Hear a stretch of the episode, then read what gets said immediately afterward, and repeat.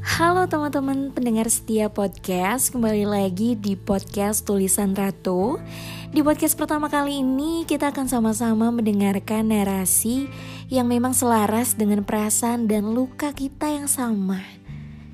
Hmm, rasanya semua udah benar-benar berubah.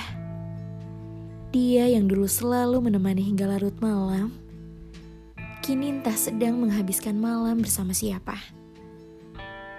Dia yang dulu selalu mengucapkan selamat tidur, kini mungkin sedang merangkai mimpi dengan yang lain.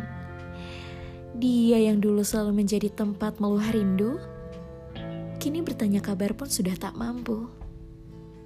Waktu terlalu cepat memutar semuanya. Cepat sekali. Tak menyisakan celah untuk kembali.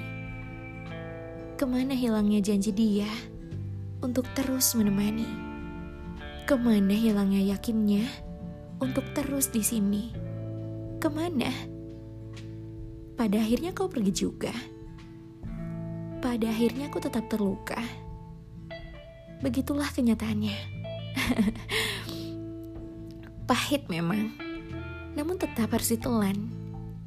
Sakit, namun tetap harus dipaksakan. Mungkin aku memang ditakdirkan berjuang untuk terbuang, berdarah untuk orang yang salah. Menyesal?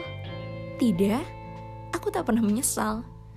Kau memang pantas mendapatkan seseorang yang lebih baik dari diri aku.